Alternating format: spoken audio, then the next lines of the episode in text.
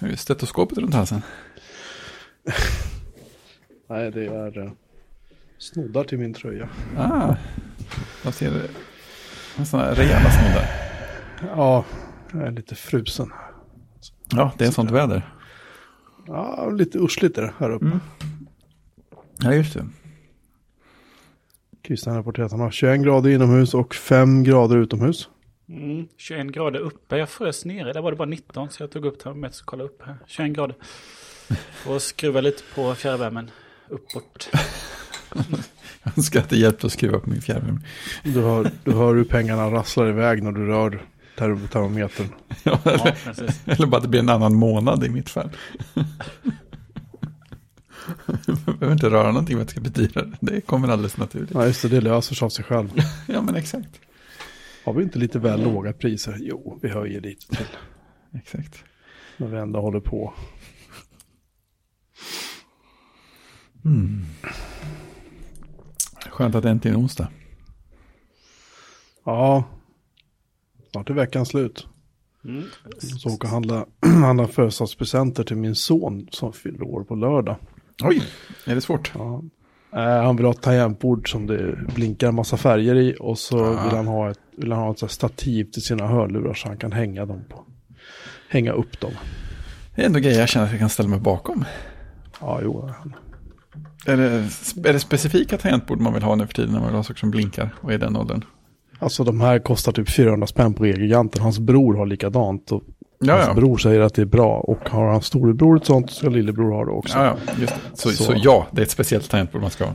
Ja, det är väl, jag kommer inte ihåg, Corsair eller vad det heter, jag kommer inte ihåg. Ja, just det, de gör massa det, sådana. Det, det är ju inte så att de skriver på tangentborden. Liksom. De, de använder fyra, fyra fem tangenter max. Liksom. ja, men... AS, ASDF och kanske mellanslag på sin höjd. Mm. Ungefär så. Allt man behöver. Ja, det är viktigt med tangentbord. Mitt... Eh jag i beslag på ett Ducky mm. på jobbet. Men det slutade fungera idag. Va? Ja, jag vet inte vad som hände. Så batterierna tog slut kanske? Ja, det är ju, går ju på sladd. Jaha, sladd, sladden tog slut. Sladden tog slut. Nej, så då tänkte jag, det har ju varit lite sådär.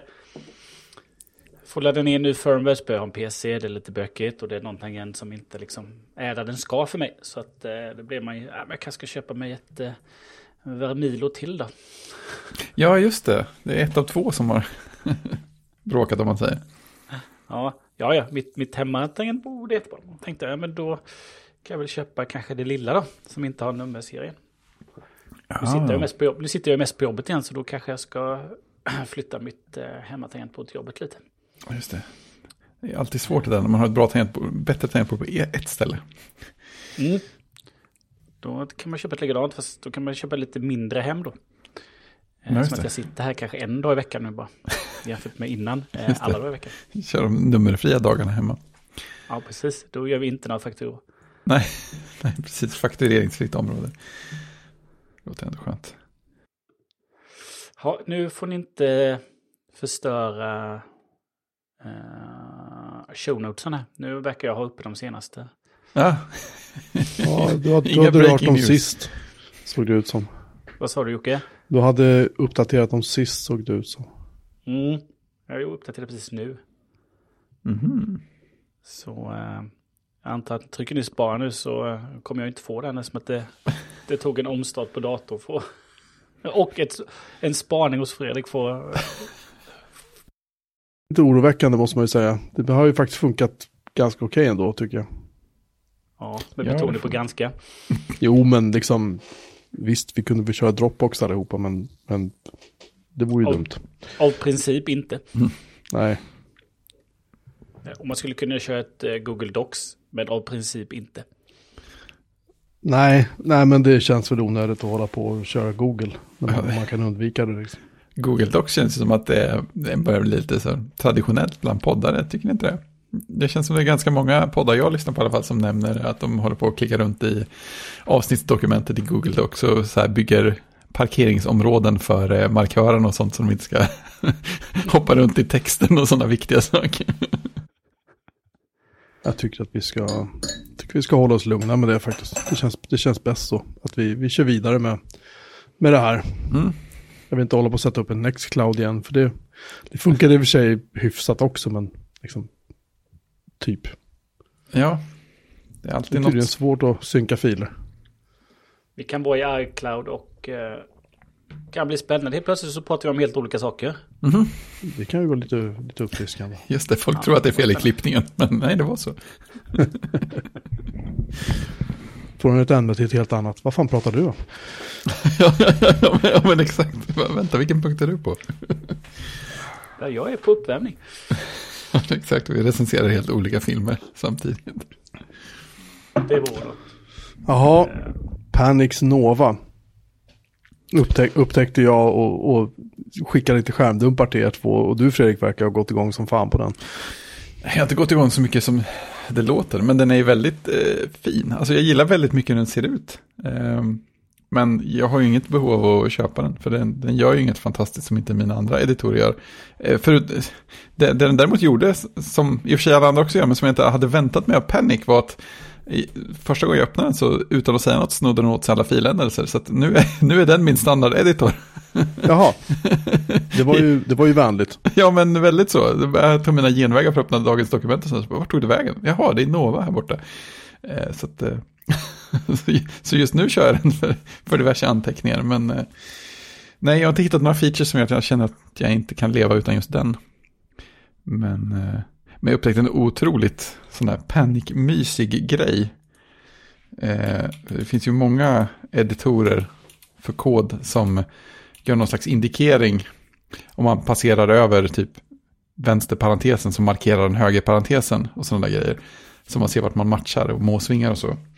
Eh, det gör ju Nova också och den kör dessutom en sån här sonar-ping-effekt på den andra, den ma- det matchande tecknet.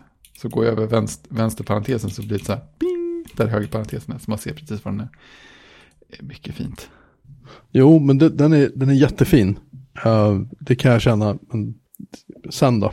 Liksom, det funktioner också som faktiskt är bra så är det ju, då är det ju kul. Eh, Jag har inte bestämt, jag tycker att den är för dyr. Tror jag det, det är nog mest där skon klämmer för mig faktiskt. Det är liksom, var det, 700 spänn eller något sånt där liksom. Mm. Ja, men hittade jag några features skulle jag absolut kunna tänka mig. Men jag upptäckte till exempel en grej som den inte har som jag tror både VS Code och Sublime har. Att eh, om, man har, om man har många eh, flikar med dokument öppna så kan man i de editorerna scrolla eh, bland flikarna med mushjulet. Det kan man inte i Nova. Det är faktiskt en väldigt smidig funktion om man väl har haft den. Men sånt pysslar de inte med. Nej, det vore väl dumt. Ja, ja, du får väl eh, rapportera när du har kört den ett tag till och se om det Ja, nej, den kommer ju är rinna ut. köpläge. Fe- Nej, jag, jag skriver ju bara i den och det gör den ju precis likadant som de andra. Så att, eh, ja, fi- fint standardfärgschema i och för sig för Markdown, det kan jag säga. Förvisso. Förvisso. Jag är så fast i Byword fortfarande så jag vet inte riktigt. Jag, jag, tycker den är, jag tycker den bara är behaglig och enkel och bara, den gör det den ska liksom. Ja. Och visst, den har, den har väl lite så här syntax, alltså inte så mycket färg och så, men den har ju åtminstone att den fattar ju när man gör rubriker och sådär. Ja, den, Ja. den, fattar, den fattar markdown, det är, så, det är, Allt man behöver. ja. Jag kan tycka att det räcker så. Mm. Länsförsäkringen noterar jag har lyckats med någonting som SE-banken fortfarande inte har lyckats med. De har börjat med Apple Pay. Det är fantastiskt. Eh, Eller, ja. Ja. Sent om sidor så kom de dit. det har varit många turer. De råkade ju göra en liten, jag tror det var Länsförsäkringar Skåne som råkade göra ett inlägg. Som en kommentar på ett Facebook-inlägg. Där någon hade ställt då, när kommer ni med Apple Pay? Nej men eh, det, det vet vi inte. Jättelänge sedan. Så har det gått, det var ju flera år sedan då kan man säga. Och sen så gjorde de ett inlägg att, eh, att ja, men det kommer. Eh, Men sen så backade de lite på det då och sen så som vanligt, vi har inget att säga. Men nu så dök det upp. De, de annonserade liksom att de hade något att berätta. Lite som sådär att det var på gång då. Fast utan att säga att det var på gång. Men nu kom det så att jag la till mitt kort. Jag har ju, är ju Länsförsäkringar bankkund också. Så att eh, nu har jag lagt till mitt kort så nu kan jag eh, flytta mitt lönekonto dit. För det har jag gjort Jo. från min andra bank. Så då kan jag gå igenom med bankflytten. Som Stort. jag väntar på. För jag, ja, jag var på väg och då släppte ju Swedbank då som jag hade tidigare. Apple Pay och då bara, ja men det här var bekvämt. Mm. Det var jättebekvämt. Ja, och eh, man kan ju köra något annat kreditkort då, men då ska man ju betala den räkningen och så. Mm, då hade Mm. jag ju en app också då som eh, eh, delade upp vad jag hade spenderat alla pengar på. Men den har ju också försvunnit nu, så nu har jag ingen app alls. Så att, eh, nu hade jag lika väl kunnat köra ett sånt kreditkort då. Men nu när de har kommit så då går vi all in på nya banken. Och ser det. Så första Apple Pay-köpet är nästa punkt i dokumentet, eller? ja, Får jag, får, jag bara, får jag bara ge ett tips? det är ett bankhack. Och det, och det är inte ett våldsamt uttag jag pratar om, utan det är ett... Eh, jag har ju, eh, hade ju SEB som i alla, alla år och sen så när jag började på ICA-gruppen och jobbade där så var man ju tvungen att ha ICA-banken för att få sin lön utbetald. Det är ändå en inlåsningseffekt. det, det, det kan man ju lugnt säga. Men eh, eftersom jag har slutat och jobbar numera på en myndighet, eh, vilket är mycket mer behagligare på alla sätt och vis, så tänkte jag, ICAs stammisprogram är ju ett, det är ett skämt liksom. Alltså om man ser till, kommer jag fick något brev en gång där det stod så här, ja nu behöver du bara handla för så här 3000 kronor till så får du så här, får typ så här 100 kronor i bonus och någonting. Jag var så här, är ni inte kloka liksom? Ja men det är så här, man, tillbaka din lön så får du en bonus. Ja men det, jag tror att det är typ så här en poäng per, Per krona, krona man ju. spenderar. Ja, Mm. men det är max upp till 2000 i månaden. Så Mm. är man en stor familj och har jättemånga i huset eh, Mm. Så är det helt meningslöst. Då, kan, då spenderar man ju säkerligen mer än 5000 spänn i månaden på mat. Liksom. Ja, om, man har, om man är typ 5-6 pers i huset. Det kan man ju köra ändå, men om man försöker vara hyfsat återhållsam så då landar man säkert på 5000 spänn. Och det är så här, det är ju bonus som bara, förr i tiden så var ICAs bonusprogram bra. Men sen lanserar de ju det här Stammis då. Och det är ju det är bara skit. Så att jag har ju då avvecklat allting hos SEB som jag kan avveckla. Jag har lite pensionsgrejer kvar där som jag försöker få loss. Men det, det har visat sig vara väldigt komplicerat tydligen. Men på ICA har jag ju ingenting på ICA-banken. Så att, och jag har försökt ringa deras kundtjänster, för det måste man göra då. Man kan ju bli kund på nätet, det är inga problem. Men kan jag aldrig säga upp det. Även om man identifierar sig med bank-id på deras sajt och hej och hå. Och när man ringer till någon av deras kundtjänster säger de så här, ja, du, är, du har bara 384 personer före dig i kön. Räkna väntetid till imorgon bitti. Så att jag av så har jag gått in via deras respektive applikationer i telefonerna och skickat meddelande till kundtjänsten och sagt, hej, jag försöker ringa er, det är hopplöst, avsluta mina konton. Och i båda fall har det faktiskt gått. Schysst. Så nu väntar jag bara på svar från, från ICA-banken där de ska säga ja, vi avslutar dina konton, ditt stammisprogram och allting. Och eh, SEB likadant, de håller också på att avsluta allting. Så det, är- det är sweet. Annars ligger det ju liksom att ticka på om man har kvar de här korten. Det kostar ju med SEB tror jag att har så här 35 spänn i månaden liksom. Bara för att Ja. ha ett kort. Ja, ja, men färre kort är ju alltid... Färre tjänster är alltid bättre. Kallar de det för enk, enkla livet eller något sånt där trams. Kallar Fler, SEB fler för. ålar, som man brukar säga. Ja, men lite så. Och det är så att jag har ju kunnat klippa liksom två kort och tre kort till och med och bara kasta åt helvete. Mm, mm, mm. Så det kan jag bara tipsa om att om ni vill uh, dissa er bank och eh, inte kan komma fram till deras kundtjänst. Det, ofta går det faktiskt bara att kontakta dem via, via deras eh, app och bara förklara. Jag försökte ringa er. Ni kan ringa upp mig. Om det inte går så kan ni göra det. Gör det nu. Så. Ja, men just. Är det någon sån där bestämmelse att de måste ta emot uppsägelser på alla kanaler? Nej. Och sånt där? Nej. Det är bara för att hålla kunderna kvar. Nej, men alltså just det här att man, att man, kan, att man kan hålla, att man kan säga till på andra sätt och det faktiskt går igenom. Nej, men om man går in på deras, går man in på deras eh, internetbank, om man går in, man måste till och med gå in via webbläsaren, man kan inte göra det via appen. Om man vill avsluta saker. Jag var inne på SCB där var så här, jag vill avsluta konto. Jaha, nej men då måste du ringa så. Även om det finns en knapp där det står så här, typ avsluta konto, eller det finns någon, det finns någon text någonstans där man kan klicka på där det står, och du vill avsluta konton liksom. Gå in och gör så här, så här, så här, så följer man den processen. Och så står det, nej du måste ringa kundtjänst liksom. Så det är ju bara, det är bara så här retention. De vill ju bara försöka få det att stanna kvar så mycket det bara går. Uh, sådär. Men tji fick de. Det är väl som om man ska säga upp ett bredband eller något tv-abonnemang. Allt, Och- allt. Då ringer man inte kundservice och så säger man att hej, jag ska vilja säga upp. Ja, då kopplar vi till dem och då kopplas du inte till en administratör, utan då kopplas du till sin säljare. Typ så. Det var ju som när jag skulle säga upp eh, Kanal Digital. Vi hade parabol i huset en gång i tiden. Då så, eh, då ringde jag dem och sa hej, jag vill, och ringde jag typ så här flera månader i förväg. Och sa jag vill säga upp. De bara absolut, det är noterat så här. Och sen när den där dagen började närma sig, då, då började de ju ringa. Och säga ja hej, vi ser att du ska sluta här. Pappa, vi kan erbjuda dig typ halva priset mot vad vi hade, plus fler kanaler. Och så här, Jaha, eh, hur länge räcker det då? Ett år? Ja, okej. Okay. Ja, då kör vi vidare på det så hade jag halverat kostnaden och fått mer. Och sen efter ett år så, ja, då hörde jag av mig några månader innan och sa att jag vill bara försäkra mig om att det här är uppsagt. De bara, ja, vi ser att det är uppsagt. Och sen började det ringa igen. Så, men vi, vi insåg att vi såg aldrig på det där. Vi tittade aldrig på någon sån tv liksom. Så till slut så sa jag bara att nej tack. Just det, så, så är det. Eh, uppsägning av eh, avtal om en tjänst är giltigt via e-post, brev eller telefon. Men om man gör det via telefon är det bra att begära en skriftlig bekräftelse. Så lyckas man hitta något sätt att eh, typ mejla eller posta eller ringa till någon så, så är det en giltig uppsägning. Det är upp till operatören som erbjuder tjänsten att hålla reda på hantera den på rätt sätt. Ja, Okej, okay. så de kan alltså inte neka den, fast Nej, de försöker det är lite, få, det är det lite till. skönt. Ja, men precis. De vill ju gärna att du kommer in på en kanal där, ja. du, där, du kan, där de kan försöka övertala dig. Men eh, ja. de får det egentligen inte. Eller de får inte säga emot egentligen. Banker alltså. ja, i alla fall. Operatörer. Ja, eller hur. Alla. Bredbands... Ja. Christian, eh, ditt första, inte, inte ditt första Apple Pay-inköp då? Vad blev det? Nej, men liksom, för att gå tillbaka till Apple Pay, när jag skulle eh, köpa datormagasin Retro så sa jag ju ja, till er att eh, jag fick inte igenom den betalningen.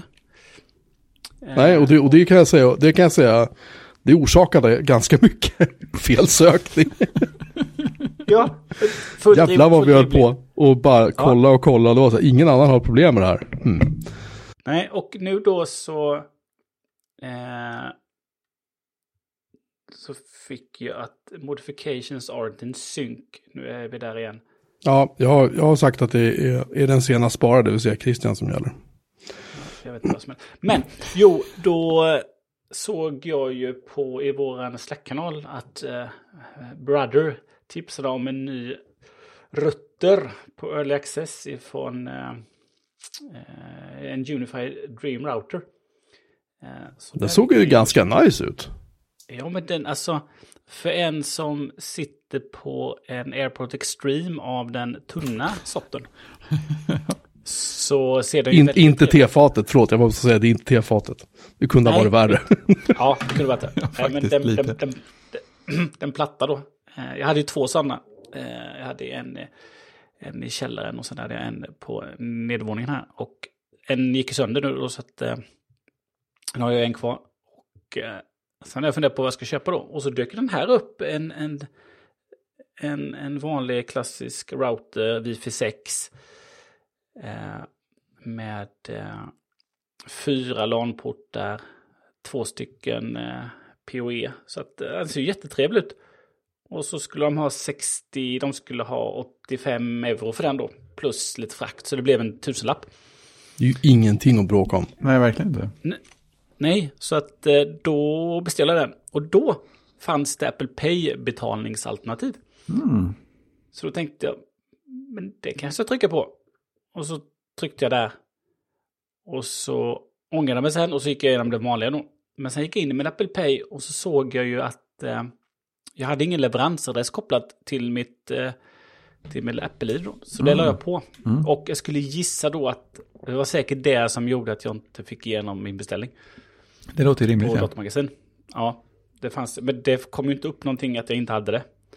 Nej. Eh, så jättekonstigt. Och jag har ju kört Apple Pay. Den enda gången jag betalt med Apple Pay innan är ju hos Apple själva då. Så att... Eh, mm, jag vet inte om den har fallit bort eller hur det har varit. Nej men det, var, det, det ser jättetrevligt ut den Dreamrouter. Den ska stå på nedervåningen och så får jag väl koppla till några accesspunkter. En nere och en uppe här. Ja, den ser ju jättesöt ut. Jag önskar att jag behövde den. jag vill också ha en sån ja, stå någonstans. Ja, men den ser väl ut lite som den där uh, Dream Machine som de har. Alltså ja, det är inte det. Dream Machine Pro utan den andra. Ja, men den där liksom avrundade kapseltoppen är den väl ensam om va? Har inte de lite plattare topp? Den här ser ännu lite snällare ut, som att man har skruvat upp ett litet runt lock lite grann så att det lyser lite blått inifrån. Ja, precis. Det, det, det är för att eh, signalen ska komma ut ordentligt. Ja, just det. Det är den som strålar ut där. Vad har man Ja. eh, 128 gig intern lagring till på den? Det, det är väl egentligen för... Eh. Stor, stor Kamerorna. firmware. Ja, ja, ja, just det. Make a sense, som vi brukar säga. du kan ju... Den kan ju hantera deras... Eh, vad, vad kallar de det? Security. Ja, just det. Eller protect, protect kanske det heter. Ja, deras kameror är faktiskt inte helt usla och de är ju inte så här obscent dyra heller vill jag minnas. Bara nämner det, Mm. förbigående. Eh, nej, de har ju många kameror och de har ju en eh, Unify Protect Doorbell. Så att eh, de har massa kameror. Eh, men jag kör ju mina billiga Anchor-kameror och kopplar dem på HomeKit. De funkar bra Istället tycker jag faktiskt. Ja, jag är väldigt nöjd med mina två. Eh, den, jag fick idag fick jag en notis på telefon, eller på klockan. kom det en liten notis som sa att eh, HomeKit-kameran kameran entré har upptäckt rörelse. Och så var det en bifogad bild. Så var det barnens mamma eh, bakifrån som lämnade en väska i hallen. Avslöjad. Avslöjade. Ja, då hade jag redan fått notis om att dörren hade öppnat. Så, att, eh, så det, den fungerar bra. Det har jag aldrig varit med om att den har skickat en bild så. Eh, normalt sett så lämnar hon den där väskan, om jag inte är hemma så lämnar hon väskan med barnen med. Men då har ju deras telefoner eh, registrerats att eh, de är hemma. Och då Mm. blir det ju ingen, eh, blir det ingen bild tagen eller inspelning. Men nu lämnar hon efteråt. Jag kan säga att den här Dream Router är ju då nu slutsåld. På Early Access. Ja, jaha, den är slutsåld på Early Access. Mm, det står det sold out. Ja, jag såg det. Men Ja. det stod väl också available for Early Access eller något sånt där. Det var jättespännande. Ja, faktiskt. Alltså det, på den prisnivån så det är ju, ja, det är ju, alltså det är ju fantastiskt bra pris på den med tanke på vad som sitter i. Det känns som att det borde, borde vara någon, att de har snålat in någonstans. Liksom. Men, men eh, det spelar inte så stor roll egentligen. Det, om den har wifi 6 och har alla de här Ja, funktionerna som man ändå vill ha så fan det där är ju ett kanonköp alltså. Mm, Mycket bra. Jo, det, jag loggar in nu och då är den sold out. Och så står det även Due to high number of orders, please note the fulfillment of orders might be slightly delayed. Så du har en lagom till jul kanske. Med Ja. lite tur. Med lite tur lagom till jul. Ja. Nej, men det ska bli spännande. Ni får höra mer om den när den kommer. Jul-wifi blir det. Oh, blinkar rött och grönt. Det är nice. Den är nice. Jaha, eh, Jocke, du bygger NAS. Ja, jag... ehm, då som sagt, elpriset är ju, är ju inte på vår sida, vi som gillar att köra saker hemma. Så att jag har nu eh, installerat eh, senaste versionen av Raspbian på en Raspberry Pi 3 så länge. Och väntar på mina SSD-disk, eh, ska man säga, lådor de kostade 70 kronor styck på AliExpress, så får vi se hur bra de är. De är för 2,5 tums diskar i alla fall med USB-anslutning, USB 3. Um, ehm, så att jag har tagit min Anker USB 3-hub och kopplat den till den här Raspberry Pi som då som sagt bara har USB 2-portar. Uh, ehm, och så ska jag testa och se hur det här känns. Så känns det bra så kommer jag skaffa en Raspberry Pi 3 som har USB 3-portar och ha den som en liten, liten NAS hemma. Och jag upptäckte faktiskt att man kan... Eh, vad fan heter det? Måste jag slå in en URL på min eh, datamaskin, här, förstår ni? Oh, avancerat. Ja, Jag funderar på att skaffa en data med stöd för URL i framtiden. ja. Jag tror att jag gav den till IP-adressen. Det kanske inte fungerar bara för det. Eh, man kan installera typ, med, typ MediaVolt eller något sånt där heter det. Som är typ så här NAS mjukvara. Ungefär som TrueNAS fast inte lika avancerat. Då. Så får man ett litet webbgränssnitt och där kan man då eh, hålla på och sätta upp saker. Om det inte känns bra så då kan jag bara göra det i command line. Men jag tyckte att det var lite roligt ändå. Liksom, leka lite. Sådär. Nej, den verkar inte vilja prata nät, den här lilla Raspberry Pi. Jag kanske råkar dra ur sladden på den. Skitsamma. Eh, det är min plan. Så att jag väntar på de där, uh, de där kabinetten då som ska uh, komma. De borde väl vara här vilket år som helst nu. Jag fick ett sms häromdagen från Postnord där och sa hej du måste välja förtullare. Tyckte jag, det verkar roligt så det gjorde jag det. enda alternativet var Postnord. Ja, det fanns inte. inte mycket det var, bara, det. det var bara att säga, jag gör det ni. Så får vi se om de, om de uh, tycker att jag ska betala någon tull på de där. Jag tror att det, jag beställde fyra stycken. Jag har tre 1 terabyte SSD kvar så att jag antar att uh, och där tror jag de kostar typ så 240 kronor styck eller någonting to totalt liksom. Så eh, ja, det känns ganska lugnt. Varför kommer jag inte åt den här för nu då? Den ska ju funka. Den ska funka, nu så. Nu. Open Media Vault heter den. Den går att installera på Raspberry Pi faktiskt. Om man eh, trixar lite. Och sen så om när den laddar sin webbsida så får man upp en sån här klocka som ser ut som kommer från Amigan. Som en sån här vänt-symbol istället för muspekaren. I webbläsaren, det tycker jag är jättefräckt. Det är bra ja. Uh, jag har också upptäckt att man faktiskt kan installera VMware E6 på en Raspberry Pi. Inte för att man kanske skulle vilja det, men det går att göra. Tur. Ja, alltså att det, det är ett litet projekt jag har. Uh, I och med att de är tysta och uh, drar inte så mycket ström så tror jag det blir jättebra. Alltså, då jag ska egentligen bara ha lägga backuper och lite små filer på den där. Det ska inte vara något. Den ska inte stå och mata något tungt liksom. Ja, just det. Det låter lagom. Ja. Så rapport följer helt enkelt. Och Fredrik har fått en ny jobbdator. Eh, nej, eller ja. Nej. Den kan komma att eh, levereras imorgon faktiskt. Jag förstår. Så jag kommer att hänga som en hök på kontoret hela dagen. Eh, men eh, redan i, i fredags så hade jag eh, ja, ett, eh, ett Zoom-möte på min, på min nuvarande jobbdator. Efter att den hade legat i ryggsäcken och hopslagen på skrivbordet sen dagen innan och sådär. Och noterat att jag hade hamnat i det klassiska läget då, då den, trots att strömmen var ikopplad så drogs batteriet ur medan, medan vi hade möte. Eh, det kändes inte så bra, men den klarade sig hela mötet ut. Och sen så gick jag tillbaka till eh, skrivbordet på kontoret och kopplade in den till skärmen och typ började skriva några saker. Varpå skärmen slocknade helt. Och datorn var inert en stund. Och sen så när jag tryckte på powerknappen lite grann så visar den, du vet, eh, batteriet blinkar rött och så visar den där symbolen för snälla koppla in mig i ström. Eh, och sen vaknade den efter en stund. Och så var det, så var det bra med det. Eh, resten av den arbetsdagen. Och sen så när jag kom hem med den efter den arbetsdagen och la den på skrivbordet så skulle jag använda den dagen efter så ville den inte vakna alls. Och eh, gav hela tiden symbolen för att koppla in mig till ström, snälla, trots att den var inkopplad till ström, snälla. Och den spelade inte det där plingljudet när man kopplar in en sladd eller någonting. Så att eh, jag fick eh, ta mig samman eftersom den nya jobbdatorn inte var på vägen på något tydligt sätt. Så började jag sätta upp saker på min eh, Mac Mini här hemma. För det var ju eh, vettigt att falla tillbaka på ändå.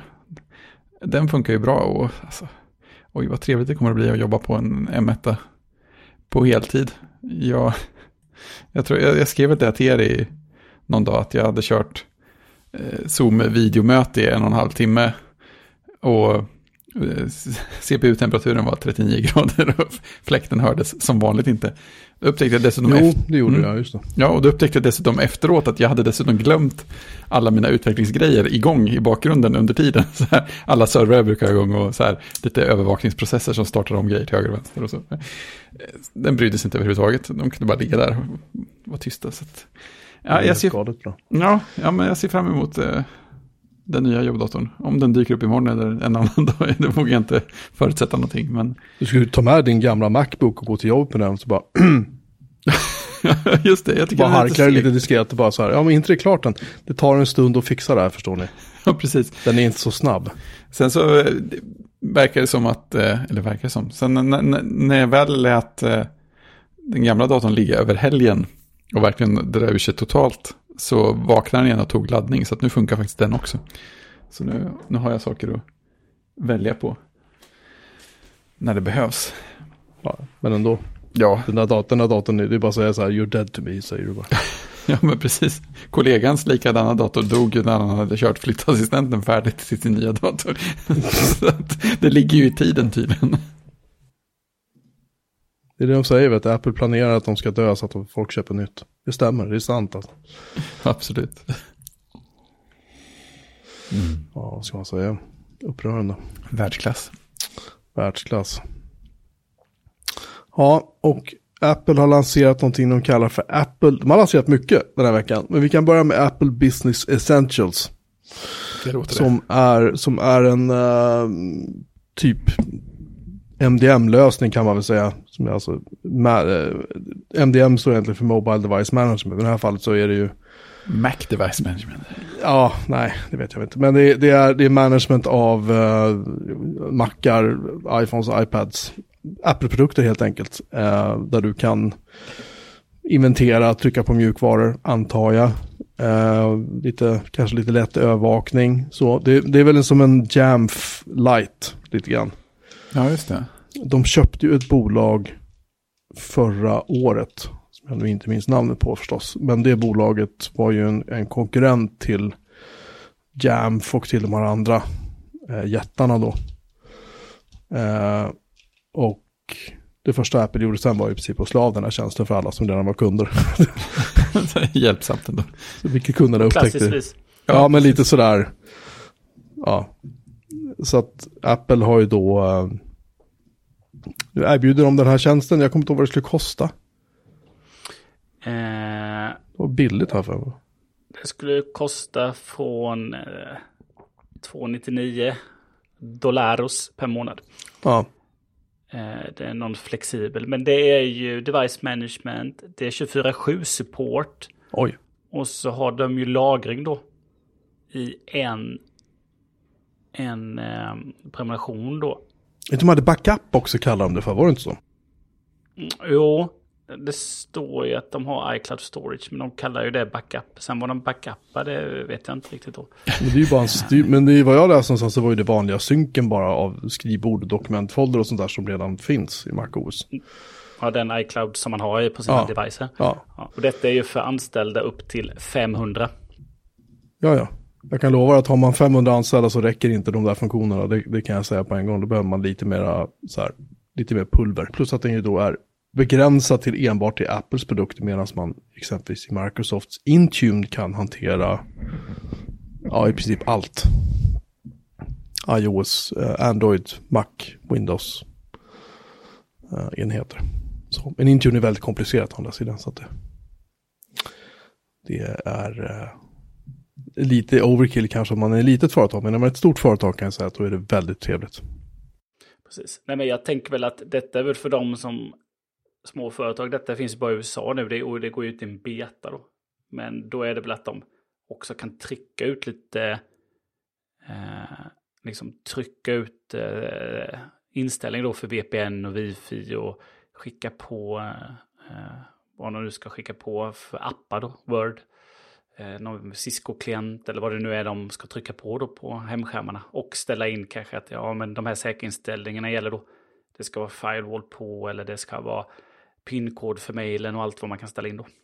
Ja, proxy och sånt där. Men det, det, det är sånt där man traditionellt gör i en profil som man skapar. Och det, allt det här kunde du göra på den tiden. Apple hade en sån här profile-tjänst i eh, MacOS 10 Server.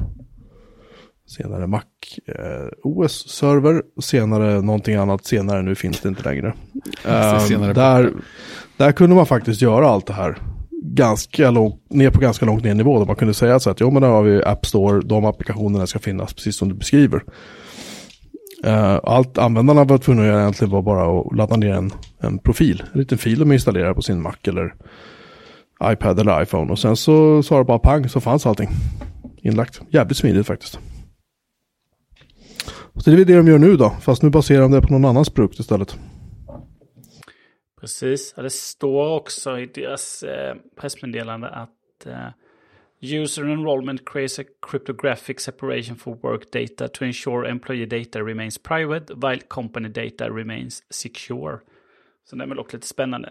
Uh, in addition to the streamline setup and onboarding, Apple Business Essentials provides a dedicated iCloud account for work, providing simple and secure storage, backup and collaboration on files and documents. Då, så att ett, ett eget, uh, ett eget iCloud-account då för, för företaget då som man, när man slutar då antagligen då blir av med såklart.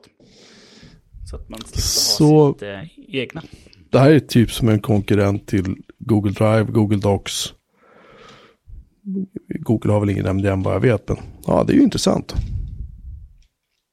Det är faktiskt det är väldigt, eh, det är väldigt intressant. Varje användare får, får ha max tre enheter och upp till två terabyte lagring.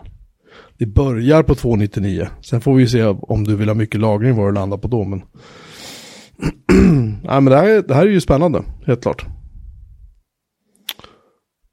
Tror jag. Ja, och så kan man köpa på eh, någon, eh, vad heter det? Eh, Apple Care Plus också.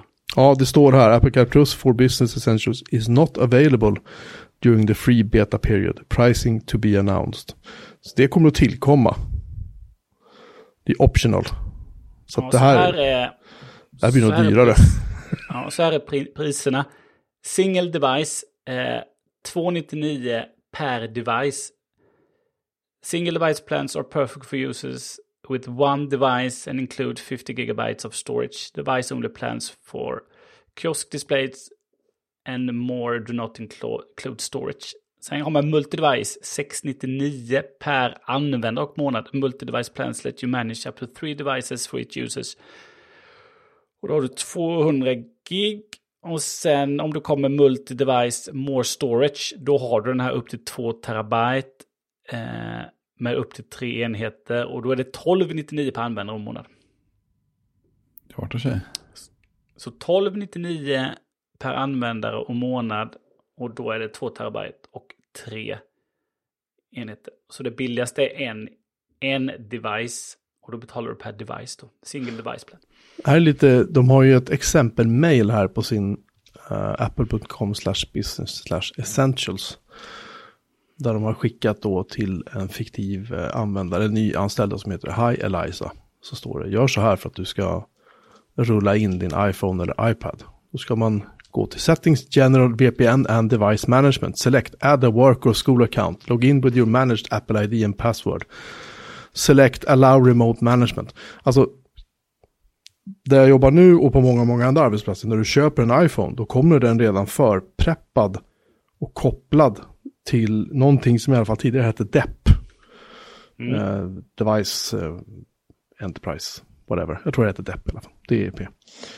Ehm, och då är den redan kopplad till Intune, exempelvis. Så när man slår på telefonen och den här nya användaren då slår in sitt, sin, sitt login och sitt lösenord så trycks det ut grejer direkt. Appar, begränsningar läggs på. Pang, pang, pang. Det här sker på någon minut bara. och sen så kan användaren bara sätta igång och använda den här iPhonen eller iPaden. Uh, så att det här, det de gör nu här, det här är ju ganska, det är ganska klumpigt egentligen. För helst ska man ju inte, för är att du har fått telefonen, det du inte vill att folk ska göra kanske är ju då att gå in på App Store och börja lägga in saker. Eh, jag vet inte om det är så att den här remote management-grejen, att den då går att gå in och ta bort appar som inte är tillåtna. Det borde den göra, men det vet man ju inte. Men man vill ju inte att folk ska kunna göra grejer med sin enhet som är företagets. Ja, just Det är ju hela syftet med att ha remote management, att du styr hur pass mycket en liten anställd kan göra med sin, med sin enhet. Liksom. Just det. Sådär. Jag menar på, på min jobbtelefon så har ju vi har ju ingen App Store, utan vi går in i en annan portal. Och där står då vilka applikationer som är tillgängliga för oss som är anställda. Och där då kan man klicka i, ja jag vill ha SVT Nyheter exempelvis, så dyker den upp liksom. Och det är i sin tur kopplat till App Store, det gör man i en annan portal hos Apple. Som i sin tur sen då pratar med Microsofts Intune-portal och Intune pratar med telefonen. Ganska smutt liksom, det funkar. Faktiskt väldigt, väldigt bra. Och då har också fördelen att det är kopplat om man har ett AD exempelvis, om man har Windows-servrar och sånt på jobbet redan. Då kan folk använda typ sin mailadress och logga in med. För det har den kan de ju. De kan mailadressen. De har ett lösenord hela tiden de använder. Så att det är skitsmidigt. Så att det här, det här är ganska, som det ser ut nu i alla fall, lite så här småklumpigt tycker jag. Ser det ut som. Men det är bara jag som tycker, kanske. Finns utrymme för förbättring. Ja, det ser ut som Christian frös där, men det gjorde han inte. Han satt bara väldigt still. Han ser Ja, nej, satt, jag satt och funderade på när vi hade på min förra arbetsgivare när vi rullade in iPad via eh, Device Enrollment Program. Deppa, deppade iPads. iPad Depp, det är tråkigt. iPad Depp som kom, eh, precis som Jocke säger, de kom färdigpreppade från Apple. Så där användaren plockade upp dem eh, och gjorde den här klassiska unboxing och njöt av den så gick de igenom den guiden och kunde liksom inte göra vad de ville.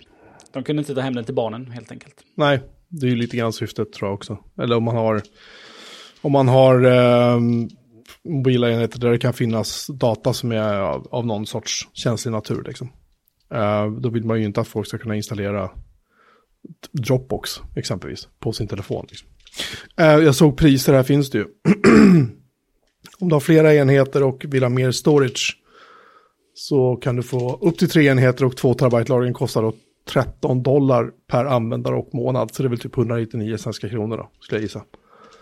Eller 249 kanske till och med, per användare och månad. Och då är det inte, då är det inte sådär vansinnigt spännande längre. Kan jag säga. Hade de legat på lågt, alltså 3 dollar i månaden, det är 50 gig och en enhet. Nej, vi får se vad det här tar vägen. Det kan bli spännande. Vad har Apple mer gjort då, Christian? Du som har koll, du som har fingret på nyhetspulsen. Ja, det skulle jag inte säga att jag har. Eh, Jag eh, sabbar alla mina iPhones, men eh, de har väl blivit, de har blivit lite Right. tvingade att... eh, ja, det har ju varit mycket att... Innan var det väl mycket att inte... Att bara auktoriserade serviceställen skulle få reparera telefoner då. Och nu senast så var det väl då att de eh, gjorde så att byter du, byter du glas eller skärm så kommer Face ID fortsätta fungera. Vilket- Lyxigt. Vilket, vilket väl var en mjukvarugrej helt enkelt. Ja, det är de, de kallar för right to repair. Det, då tror jag att de tog Ja. Apple till domstol till och med för att få dem att vika sig på den här punkten. Jag har för mig att det var så. Ja. Och nu då så chockar de väl oss alla genom att eh, de annonserar self, self-service repair. Så Apple Parts Tool and Manuals eh, ska vara tillgängliga för helt enkelt kunder. Om man eh, känner att eh, det här kan jag. Eh, så ska man kunna köpa både delar och verktyg och manualer. Då. Och det startar med iPhone 12 och 13. Ja, för det är väl, jag tror det var med 12 de skruvade åt ganska ordentligt hur pass lite tredjeparts, eller tredjepartsreparatörer fick göra. Ja, och nu går de ju helt åt andra hållet kan man ju säga. Ja. Ja, det är ganska bra vändning. Man såg inte den komma Ja. riktigt. Och sen så skriver de också i sitt pressmeddelande att Macka då, M, M, M1 Macka då, ska komma efter. Ja, det är också häftigt. Shit. Vad skulle du kunna laga dem? Fläkten? det är Ja, en spännande fråga också. Eh, men tidigt nästa år så kommer det vara tillgängligt i eh, USA. Och sen till andra länder under 2022. Men de, är inte spesade alls. Eh, och de skriver, jag tänker att de skriver att, att det finns 5000 authorized service providers och 2800 independent repair providers som har de här eh, delarna, verktygen och manualerna. Då. Och nu kan man få det själv. Och det blir väldigt häftigt att se vad som, hur det faller ut. Om det är så här så att det blir värsta grejen, att folk faktiskt börjar reparera saker. De kanske ser att iFixit tjänar galet mycket pengar. Ja, man undrar ju. Om man ska vara lite konspiratorisk då. så, så kan jag tänka mig, eller jag vet inte. Men de är ju jävligt duktiga på att hela tiden hitta intäktskällor som andra har byggt upp åt dem i princip. Och sen går de bara in och slår ihjäl det med sina egna, eh, sina egna tjänster. Dumpar priset lite på dem eller gör det lite snyggare och lite bättre eller dyrare också för en delen i form av produkter. Men det är ju det vi betalar för. Mm. Det står här att eh, i den initiala fasen så kommer fokus vara på eh, det vanligaste då. Och vilket är då iPhone, display, batteri och kamera.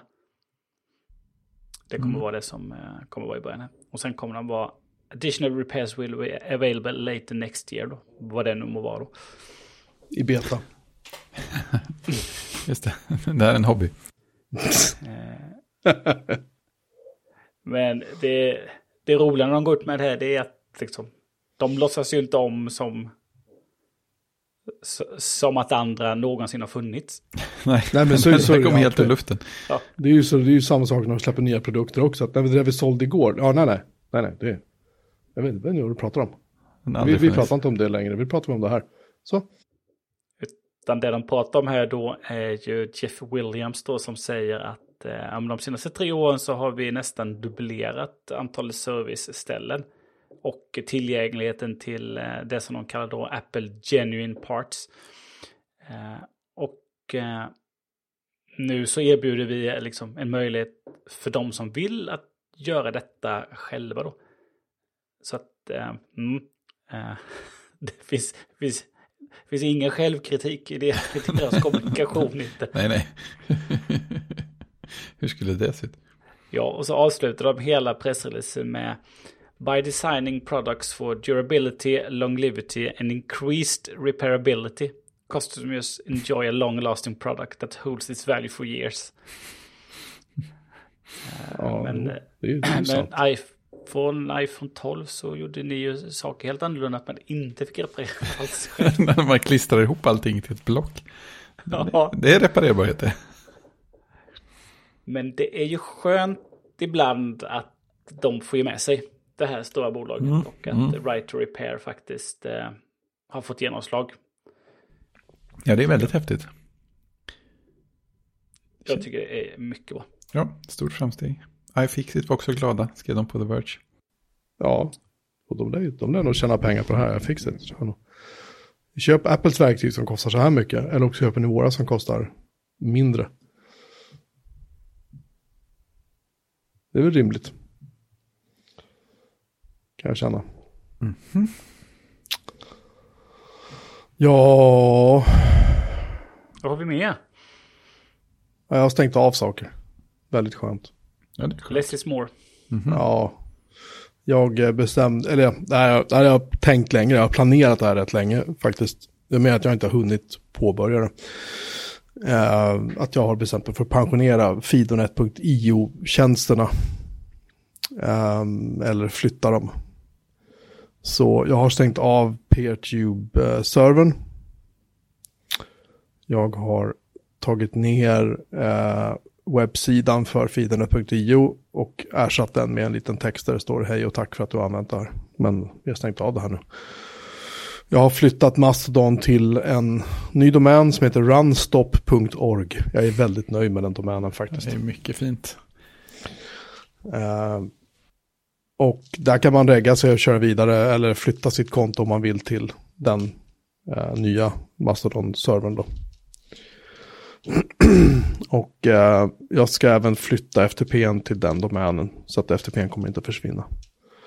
Men det är, eh, alltså jag har haft under i princip nästan hela tiden som jag har kört det här så jag har haft typ så här, kan det ha varit två, tre, fyra, fem personer som har donerat i olika, olika perioder pengar det är inte så att det kommer in några miljoner direkt, det kanske kommer in en 50 lapp i månaden eller något.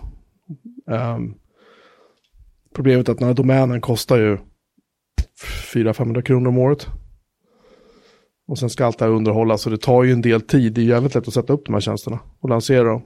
Uh, men kör man en PeerTube-server exempelvis helt publikt så då tar det ju inte många dagar förrän det börjar dyka upp så här användare från låt oss säga östländerna som laddar upp då Uh, musikvideos och uh, uh, rippad musik som de har satt någon sorts stillbild på.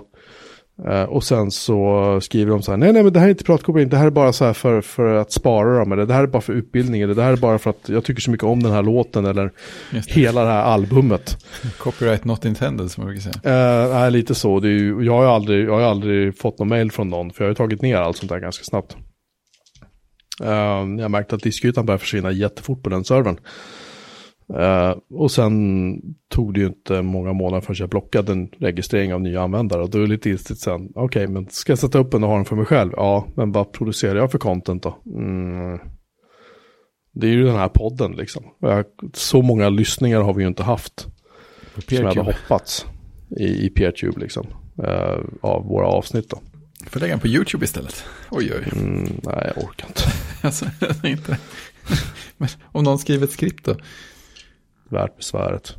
Eh, ja, nej, men om du vill göra det så varsågod. Jag tänkte som en utmaning till lyssnarna. Eh, jaha, ja, nej, men det ska ju gärna vara ett konto som vi har, vi har någon sorts kontroll över kanske, vad vet jag. Ja, Hur som helst, hur som helst så ehm, ska det sägas att ehm, eh, vad skulle jag säga? Jo, så att det, det pågår. Eh, Mastodon.fidernet.org kommer vi uppe till sista november. Vilket är, vad är det, typ två veckor till. Ja, Och sen så kommer vi att eh, stänga av den också. Är tanken. Så att, eh, ja. Det är det som händer. Jag har stängt av, raderat några servrar fick väl tillbaka typ en halv terabyte diskyta på kuppen.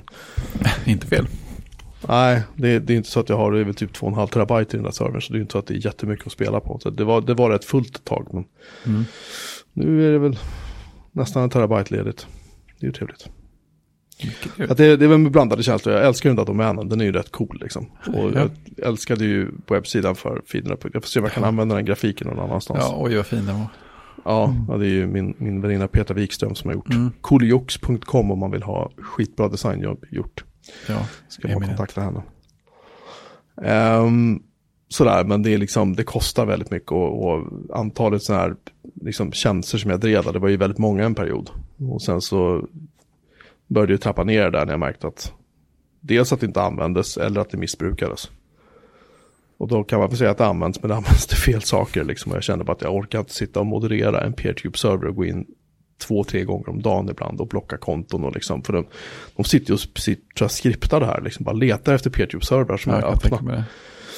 Och det finns inte våldsamt många PeerTube-servrar vad jag har förstått som är öppna längre. Utan du måste ju antingen få en invite eller också så, så här, taskigt liksom. Mm. Så att det är jävligt trist. Jag hade lärt att radda upp så här rätt mycket kul så här gamla reklamfilmer som Apple har släppt och sådär genom åren. Eh, som jag samlar på mig på olika ställen. Och eh, ja, presentationer av Steve Jobs när han presenterar Next Step och sådana grejer. Alltså mycket sånt där som jag har hittat liksom som jag har lagt upp där. Och det, de har ju fått rätt mycket visningar liksom. Men, men ja, ska jag göra om allt det där, då måste jag ladda upp alla filerna en gång till. Det känns ju inte sådär överdrivet in, intressant att sitta och ladda upp hundratals filmer och Nej, inget man gör för skriva, skriva beskrivningar på allting och sätta upp PeerTube igen, vilket ju inte är så här superenkelt direkt. Tyvärr. Så, så blir det. Det grejerna är, eh, det är historia, helt enkelt. Eller snart är det historia. Domänen tror jag släpper, jag tror den slutar gälla i typ slutet på januari eller sånt där. Så vill man ha en sån domän, fidernet.io, fin domän, så kan man eh, hänga på låset. Precis. Kan jag säga. Nu har vi ju massa film och tv att prata om. Jaha. Tackar. Jag har en fråga.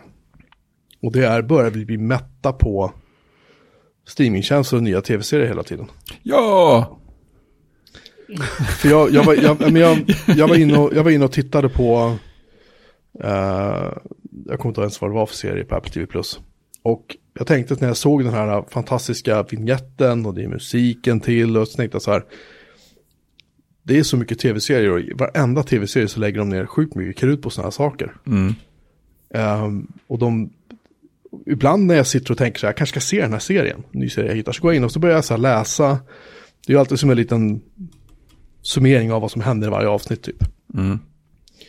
Och så kan jag bara se direkt så här att ja, här är första avsnittet, här är typ pilotavsnitt eller vad det är. Och sen så har vi nog fem avsnitt in och så är det massa karaktärer och så bara hända, och så är det så här, alltså jag orkar inte ta in det riktigt. Det ska vara, det ska mycket till. Alltså en miniserie på så sex avsnitt, tio avsnitt, det kan jag liksom leva med. Men när man ser direkt att det är två, tre säsonger, jag orkar liksom inte investera mig i riktigt. På är kanske bara jag, men jag tycker att det blir Ja, men- alldeles för mycket. Ja, men det där känner jag igen jättemycket. Det har jag ju tänkt hur länge som helst. Just det här, serier. Det, ja, det finns för många serier som är för långa. Så vet man dessutom att många tjänster producerar jättepåkostade saker. Liksom efter en spes som går ut på vad folk vill se på. Så det är så här, ja, Ja. Det, det här är bara gjort för att fylla ut. Helt enkelt, på alla sätt. Ja, men det, det, det känns nu som att de, de gör serier på, där är serier som under citationstecken normala förhållanden, de hade aldrig blivit gjorda. Nej, För att Nej, de, är så så här- jäd, de är så tunna. Hela, hela grundidén för en tv-serie, alltså det känns som att det här håller i, det kanske håller i fem avsnitt, nej det gör vi fyra säsonger. Vi mjölkar det här så jävla hårt. För att vi måste fylla på med content hela tiden. Ja, men också är det så här. eh, eh, Ja, men det är, så- det var det här rätt sak att lägga alla resurser på? Var, varför kan en sån här grej göras så här påkostad? är, det, är, det, rimligt? Ja, och så, och så tar det gånger, hade inte du hittat Christian hur många tv-serier det fanns bara i USA nu? Jo, eh, när vi började prata om detta så jag gjorde lite sökningar. Men det finns en artikel i The Guardian från 2015 med rubriken eh, 400 tv-serier och ingen tid att titta på dem. Mm. Är det för mycket tv? Är det för mycket tv? Är det, för mycket tv helt enkelt? Och då pratar de med eh, the head of eh, eh, FX då. Som säger att ja, men det är för mycket, det är för mycket tv-serier. Eh, så att eh, liksom, man kommer ju inte igenom. Nej. Eh, och eh, sen hittade jag också en artikel som skrev förra året. Eh, How many is too many? There are now more than 500 tv shows. Så att, ja, det var ju Och det, och det är bara USA. ja, det var en dålig ökning då. åren. Slött. Eller borde finnas många fler om de behåller alla de gamla då. ja. Men, men, men så är det ju. Det, det bara ökar ju och eh, det som också har hänt kan man väl säga då är ju att eh, alla, alla de här bolagen då har ju med sin egen tjänst då. Alltså HBO då, med, liksom, som ingår i Warner Brothers. Så att liksom alla HBOs tv-serier och sen eh, hela filmkartoteket då från Warner Brothers. Disney har ju sitt. Där har du ju alla klassiska Disney-grejer. Du har Star Wars, du har eh, Marvel. Och sen har du alla de här Disney-serierna då som har producerats som inte har varit så vanliga i Sverige då, alltså Disney Channel. Allt det finns och sen har du alla liksom, gamla Disney-filmer som man kan inte tänka på att de kom från Disney som ensam hemma och allt det här då. Eh, Så det rullar ju bara på. Det finns ju hur mycket som helst. Alla har ju sin egen Paramount Ja, sin. Paramount ja. Det var ju någon stackare som ringde och försökte sälja in det till mig någon gång. Han, han, kunde inte, liksom, han kopplade liksom inte att någon skulle säga nej, så det var så han bara upprepade, så jaha, så du vill inte ha alltså, Paramount med alla de filmerna och serierna de har? Så bara, nej, vad skulle jag ha det för? Jaha, så du vill inte ha Paramount?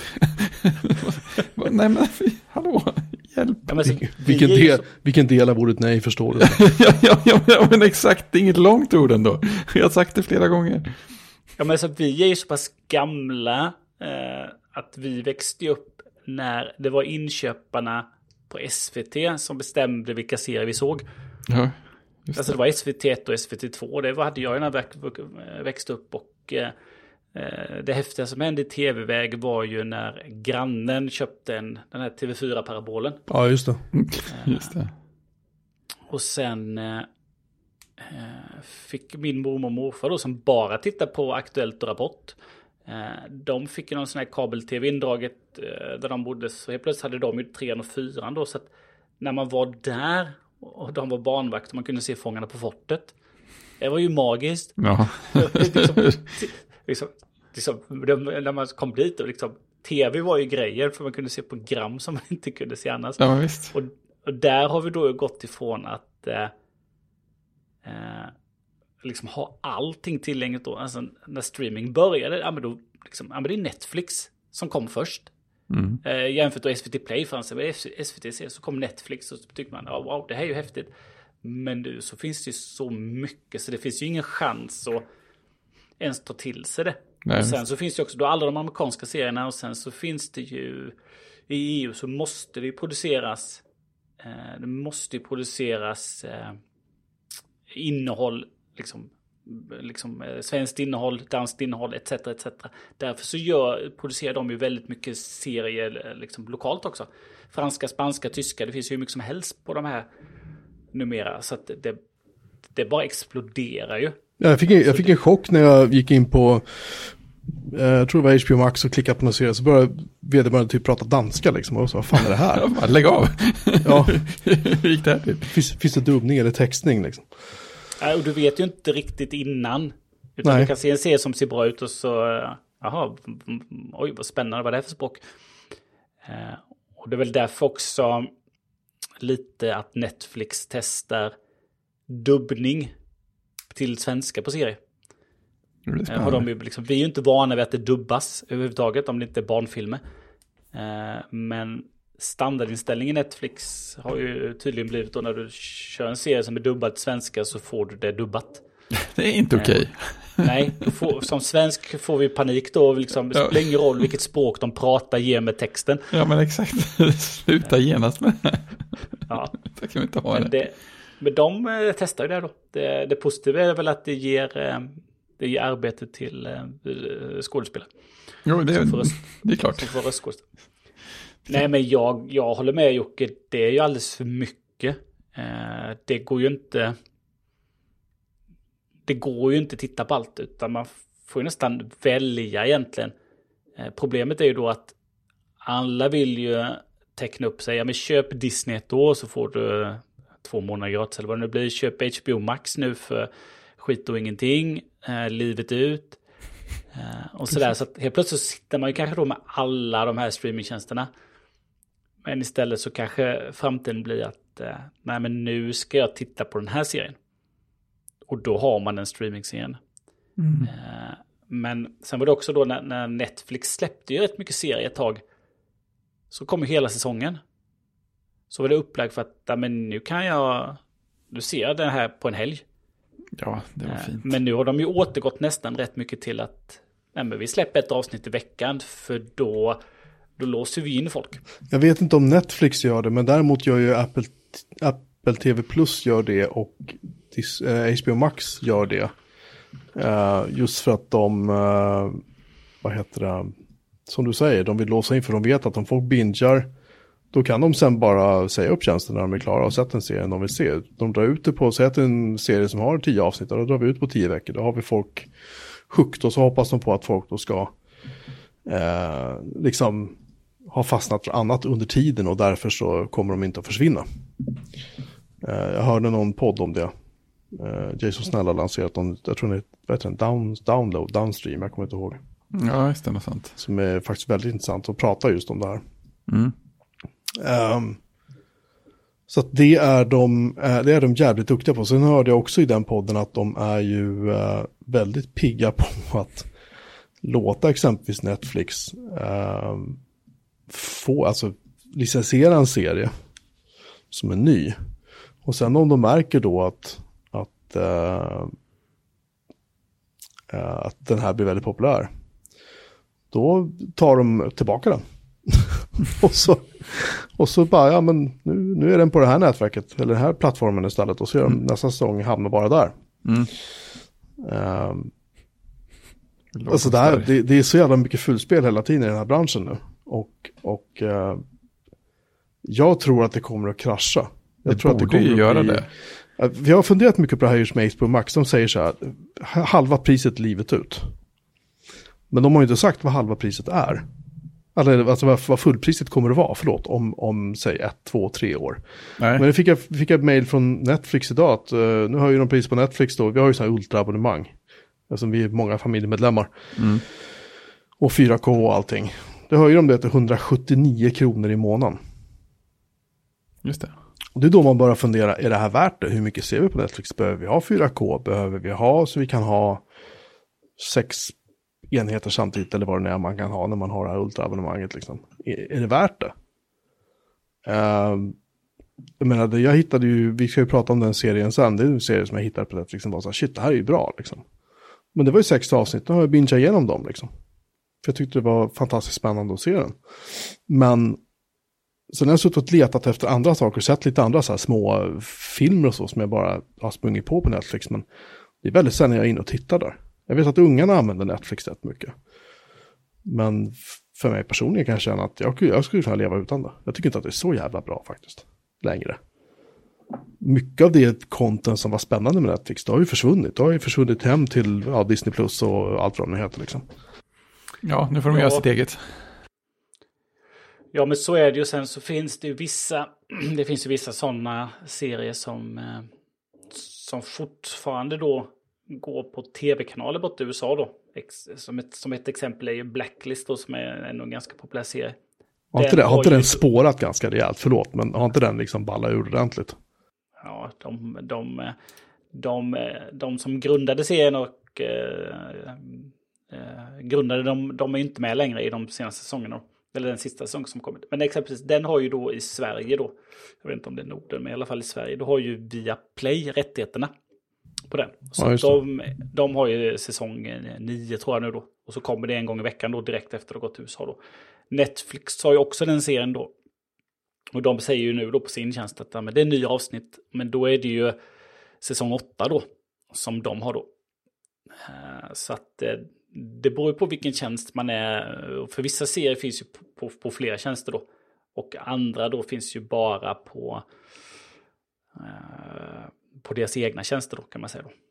Mm. Alltså, men Netflix har ju, alltså, går man in på Netflix så, har de ett litet Netflix-N på alla sina egna filmer och serier då. Just det. Men där är det ju verkligen högt och lågt vad som är bra, vad som är dåligt. Mm. Så är det. Men det är ju jätte, jättemycket. Alltså det går ju inte, det går inte att ta sig igenom det här. Så att jag tror, någon gång hamnar man väl där att eh, Eh, man kanske startar och stoppar. Ja. Nej men nu, nu, nu, är det net, nu är det Netflix några veckor för nu är det en serie som vi vill se och då passar man på att se lite filmer där.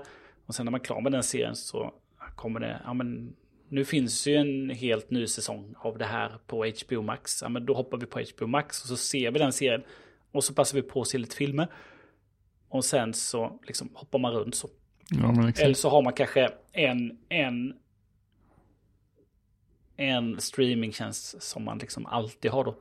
Men om man tittar nu då Netflix, som du sa Jocke, de höjer priserna. Om jag går in bara på mitt konto och tittar eh, så tar de ju då Basic är 99 kronor i månaden.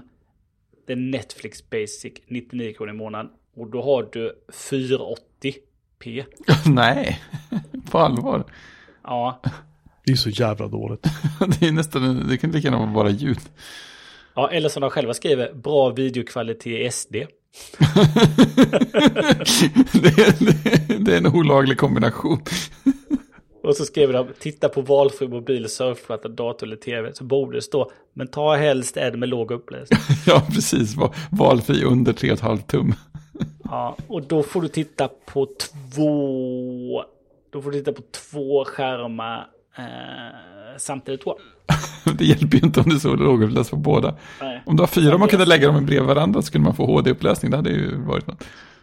Sen deras standardabonnemang då, då är det utmärkt videokvalitet full HD då. Ja, absolut. Eh, typ 1080 då. Och då kostar det 129 kronor i månaden då, alltså 130 spänn. Och då är det ju fortfarande då eh, två skärmar då som kan titta samtidigt. Och sen får du ta klivet upp till 159, 106 spänn. Och det var det som skulle höjas till 179 nu eller? Mm.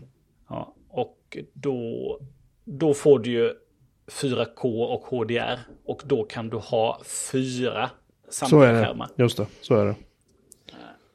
Och eh, alltså, jämför då de här priserna med de som försöker slå sig in på marknaden då. Så märker man ju att Netflix har ju ett gott självförtroende och antagligen så är det väldigt många som har det som... Alltså, Netflix säger vi inte upp. Nej, utan vi har Netflix och sen så... ja, men nu har jag Discovery. Och, och nu har jag lite HBO och nu har jag lite Disney eller vad man nu hoppar mellan då. Jag, jag hade ju exempelvis Discovery Plus under OS. Då köpte jag ju en månad. Ja, just det. Och såg OS och sen så passade jag på att se någon serie, någon film och sen så sa jag upp det helt enkelt. Och det är samma sak eh, när det liksom, nej men nu ska man någonting på Viaplay kanske då, då, då ser man det då. Så jag, jag tänker mig de, alltså Simor och Viaplay i Sverige, de, de tror jag har sina tittare mycket på sport. Som att de har liksom SHL och Hockeyallsvenskan och det är de olika fotbollsligorna och så. Där tror jag de liksom vinner sina, men det är inte så mycket serier, för de köper in sina serier. Viaplay producerar ett par, Simor producerar ett par, men det är inte alls i den storleksordning som Netflix och de andra pumpar ut såklart. Nej, det är svårt att konkurrera med det. Ja. Undrar om det ens är värt det liksom. Behöver man Nej, de, ja, men de gör ju vissa bra svenska serier såklart. Det är liksom inget snack om att de också liksom gör bra saker. Ja, men okej. liksom, jag tror de lever mycket på sin liksom, sport. Ja, det kan jag tänka mig. Eh, Det kan jag tänka mig. Eh, Så att, nej men just att, just att det inte är någon bindningstid heller så är det ju snabbt. Det, liksom, det är bara att plocka fram vilken enhet man har och sen så är det bara till att tuffa på och sen så kan du direkt säga upp det och sen så löper du på månaden ut och sen så är det borta. Visst. Eh, Så det är inte så svårt. Eh, Så att nej. Det, det finns för mycket. Ibland kan man ju längta tillbaks till den här eh, SVT bestämmer vad vi ser för serie. Ja, det är Dallas och MacGyver. Vem behöver mer? Fast på fredag kommer faktiskt Cowboy Bebop eh, på eh, Netflix. Så det är, ju, det är jag ju för. Det ska jag titta på. Uh, jag hinner inte titta på Någonting. som, ah, jo, det gör jag ju. Problemet är ju att eh, det blir, alltså man följer lite här och lite där. Och då, eh, då är man ju liksom på flera plattformar då. Mm. Då har de fått det dit, du vill, dit de vill. Ja, men exempelvis, åh nu kommer en ny säsong av Succession, då en populär serie på HBO. Och då kommer den en gång i veckan och vill man vara med och följa den. Eh, och samtidigt då så kommer något an- annat kanske då. Eh, jag har exempelvis, har jag sagt innan, jag har sagt upp Apple TV Plus då. Och där ligger ju serier och väntar på mig som jag gärna vill se. Jag vill ju se dem, eh, Ted Lasso, eh, nya säsongen och det finns ju en del saker jag vill se där, men då tänker jag att men det ska jag göra när jag säger upp någon annan sen. Ja, precis. Behöver någon slags tjänst som hanterar ens tjänster åt en så man slipper besväret. Ja, precis. Gör någon slags plan åt en. Eller? Det hade, varit, det hade varit lättare om man inte hade barn också, för de kan ju bli lite irriterade då. Att man det- kan inte se Disney då. Nej, men det har jag sagt upp nu, för du ska, nu ska pappa titta på Apple TV Plus här den här månaden. Jaha, nej men där fanns det ju bara barnprogram. precis. Vi är ett Apple-hushåll den här månaden. Jag sitter och tittar, här är en ganska intressant grej som jag rekommenderar alla att göra. Det är att gå in på sitt Netflix-konto och titta på eh, Device Streaming Activity. För här kan jag se att det finns uh, IP-adresser i Örebro, Östergötland, uh, Västmanland. Bra spridning nu. Eh, ja, jag tror inte att alla de här tillhör mitt hushåll. Alltså det, en del av de här är ju gamla. Gamla IP. Jag vet att jag har bytt lösenord några gånger när jag upptäckt att det här förekommer. Jag misstänker dock att Örebro kan eventuellt vara en, en god väns döttrar som jag tror att de har råkat få vårt eh, Netflix-konto vid något tillfälle. Mm. Eh, jag kanske skulle ta och byta lösenord igen och logga ut alla. ja, som en parentes, det är bara ett råd. Ehm, men jag håller med dig Christian, jag vet att det är jävligt svårt att säga upp Netflix för att det finns mycket där som ungarna ser. Eh, och Disney Plus var ju, det här är ju tänkt att de skulle titta jättemycket på, men det gör de liksom inte riktigt. Det de har sett det de vill se. Det tillkommer inte så supermycket de vill se och HBO Max, det var väl kul ungefär två dagar liksom. Så, ja, jag vet inte. Nej, alltså Disney Plus lever ju mycket på sin katalog. Sen så släpper de ju väldigt mycket både kring Star Wars och kring eh, Marvel just nu. Mm. Det finns ju väldigt mycket kring Marvel som eh, man kan titta på om man är riktigt nördig. De släppte ju någon tecknad, tror jag, någon animerad What If. Eh, Ja, just det. Den fick ju bra kritik. Ja, precis. Alternativ, eh, alternativa stories då. Mm. Så att, mm, det, de, det pumpas ju ut mycket Marvel-grejer, både serier och eh, eh, olika saker. Och samma sak i Star Wars-universumet kommer det också. Uh, inte kanske liksom nästa serie, Boba Fett-serien då. Just men just uh, animerade saker dyker upp rätt mycket. Skulle jag säga. Ja, det är väldigt många som man aldrig hört talas om. Men, men de har inte heller angående, på. Ja, men angående detta så Netflix har ju släppt en rolig sak. Då de, som jag förstår det har de tidigare räknat eh, liksom öppnades, påbörjade streama som har sett två minuter då. Det är så de har räknat liksom, eh, liksom hur populärt någonting är då. Det är Men nu har de en, ja det kan man ty faktiskt tycka. Nu har de ändrat då så nu är ju eh, antalet tittade timmar helt enkelt eh, det man använder sig av. Och då har de släppt en sajt också, topp10.netflix.com. Eh, så då är det weekly top 10 list of most watched TV and films. Eh, så då finns det globalt eller per land då. Mm. Eh, och när jag var inne i, jag är, sitter ju alltid i Apple TV-appen. I stort sett alltid. Väldigt sällan jag ser någon annanstans. Men då såg jag att i, i webbläsaren nu så har det kommit upp topp 10 i Sverige idag då. Så det bygger på den då. Mm. Så har de topp top 10. Så, att, eh, så den kan man gå in på den, eh, den sajten och eh, få topp 10 i, i varje vecka då. Och då eh, kan man också se hur många timmar som den är tittad på så Red Notice som ligger först är då 100, nästan 149 miljoner timmar. I Sverige eller i världen? Nej, i, i globalt. Globalt då är det. Och så finns det väldigt mycket statistik. Det är roligt. Jätte, jättemycket. Så det är lite roligt att de har släppt en sajt på det faktiskt tycker jag. Ja. Och så beskriver de sin metodik som de faktiskt använder då. Så det är roligt. Ja, det är fint. Ja, ska vi gå in på veckans recensioner? Mm. Ja, vi kan väl börja med en som är, har blivit ganska omdiskuterad. Det är en serie som heter Den osannolika mördaren, osannolike mördaren. Lika. Uh, jag vill bara flika in innan vi går vidare. Topp två i Sverige idag på Netflix. För den går på Netflix. Ja, just det. Ah, okay. det, var, det var den jag menade, att det var den som på något sätt ändå var liksom sevärd mm. uh, på Netflix. Uh, mm. Så. Eh, den handlar ju om den misstänkte Palme, Palmemördaren Stig Engström, hette han va? Eller Wennerström? Mm. Stig Engström. Nej, Engström. Tack. Wennerström var en, eh, Han var en spion, spion. just mm. um, Det har ju blivit liv om det här, de har ju blivit anmälda för, jag vet inte vad, eh, förtal av avliden eller något sånt där. Uh, vilket jag väl lite grann kan förstå. Den är ju jag skulle, jag skulle säga att den är väl mer baserad på verklighet och mindre baserad på spekulationer. Liksom, och så bara rena påhitt. Men det finns gott om saker och ting som väl, vad man vet i alla fall, inte har hänt i verkligheten. I hur Engström har agerat då. Uh, framförallt huruvida han faktiskt sköt Palme eller inte, men också hur han agerade efter mordet. Uh, och det är ju den, hur han agerade efter mordet är ju någonting som exempelvis bara hans Eh, exfru, för de skildes innan han dog. Uh, hur hon, det är ju i så fall hon som måste ha berättat det för någon. Och mig vetligen så har hon nog inte gjort det. Uh, den är förbannat välgjord. Det ska sägas.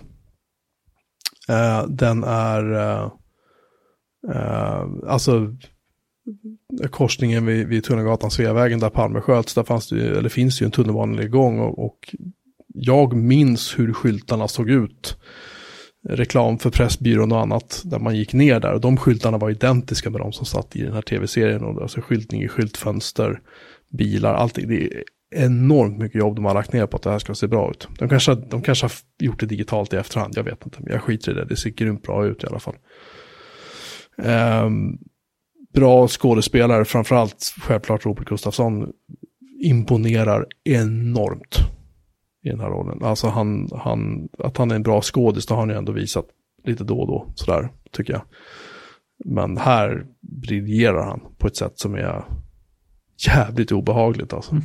Och bra och tragiskt och liksom, Ja, den här serien har mycket. Jag tycker att Persbrandts eh, roll som, eh, shit nu tappar jag namnet på honom, Hans Holmér.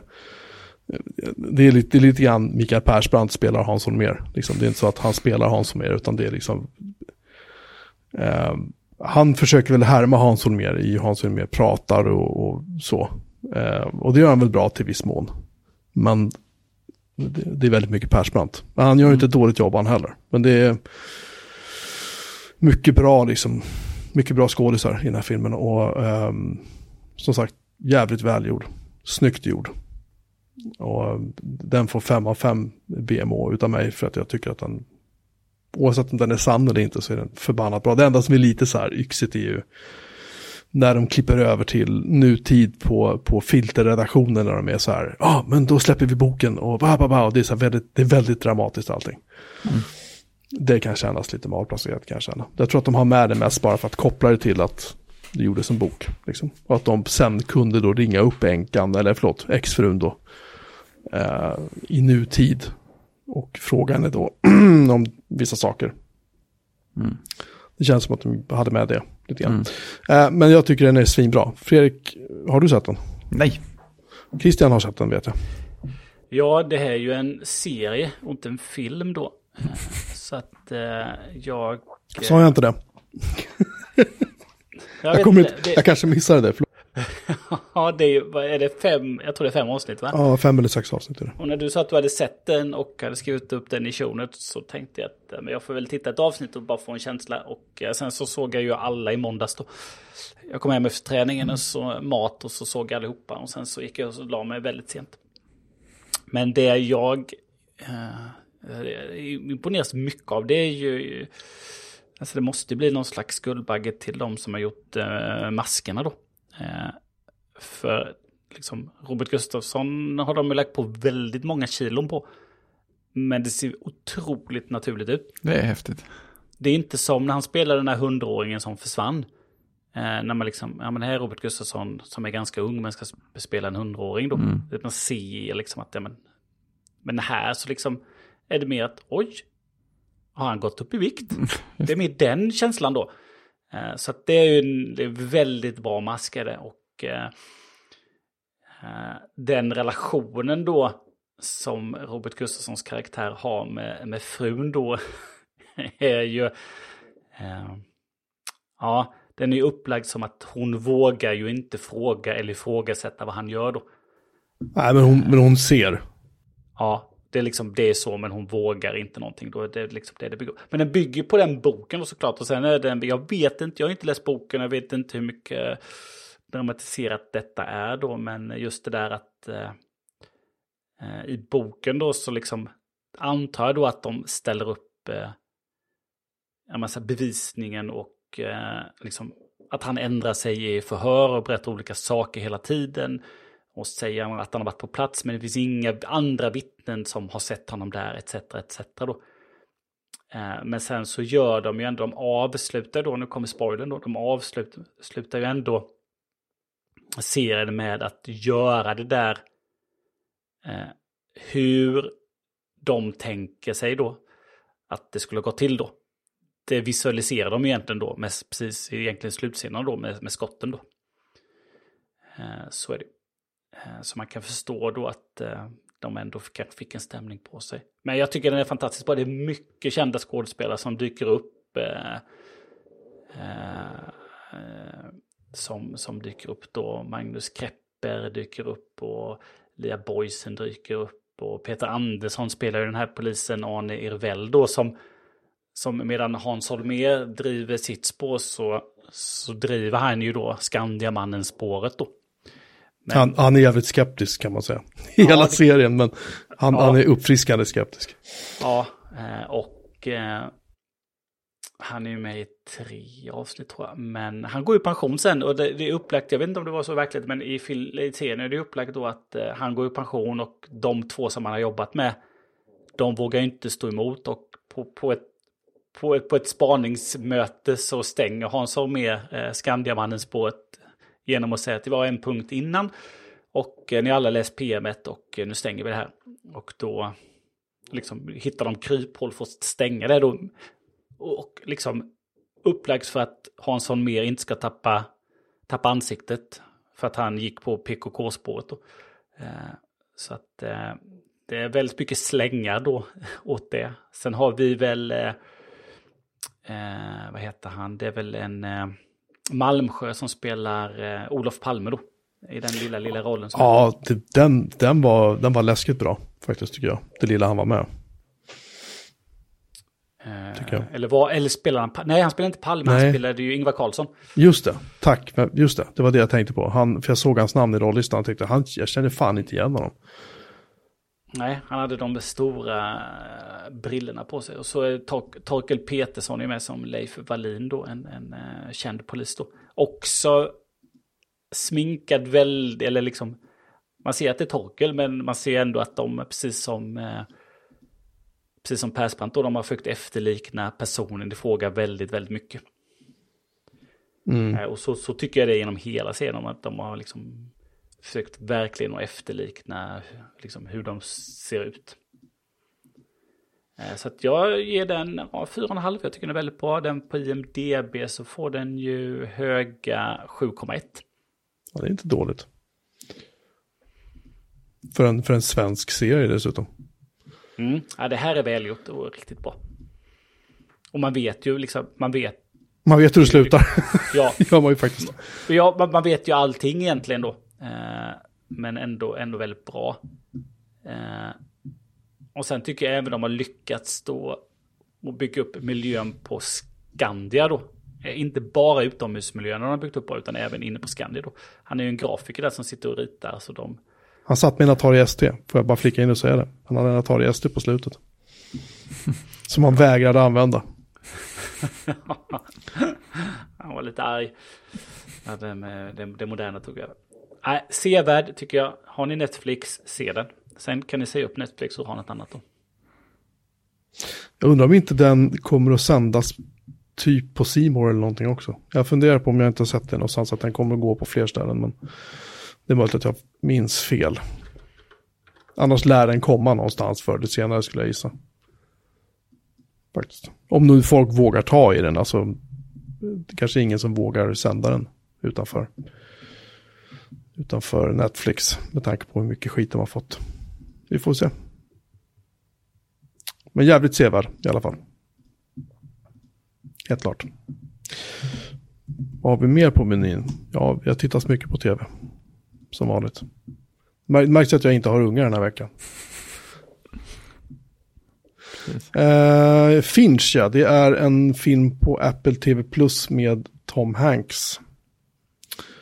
Som är någon sorts efter katastrofen-grunka där han eh, är ensam kvar i en amerikansk stad. Jag tror att det är New Orleans. Eh, och eh, han konstruerar, han är ensam, så han konstruerar sig en robot att ha som, som kompis.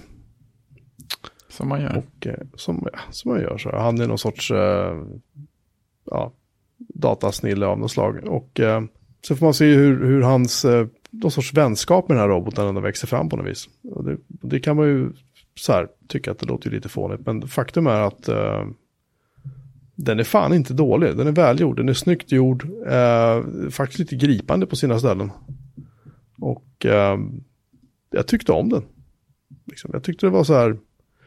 Jag skulle vilja säga att den är...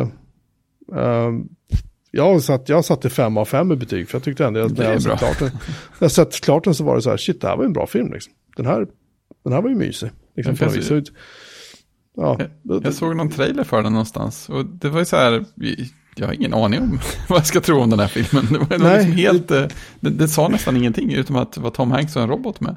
Känns det som. Och det, här, det kändes, när jag började se den så kände jag mig ganska mätt direkt. Det kändes så, ja, men det känns som att jag, jag kan det här. Jag har sett det här förut. Mm. Efter katastrofen, det är torka överallt, allt elände liksom. Mm. Men sen så, den gör ett par skarpa höger och vänstergirar liksom.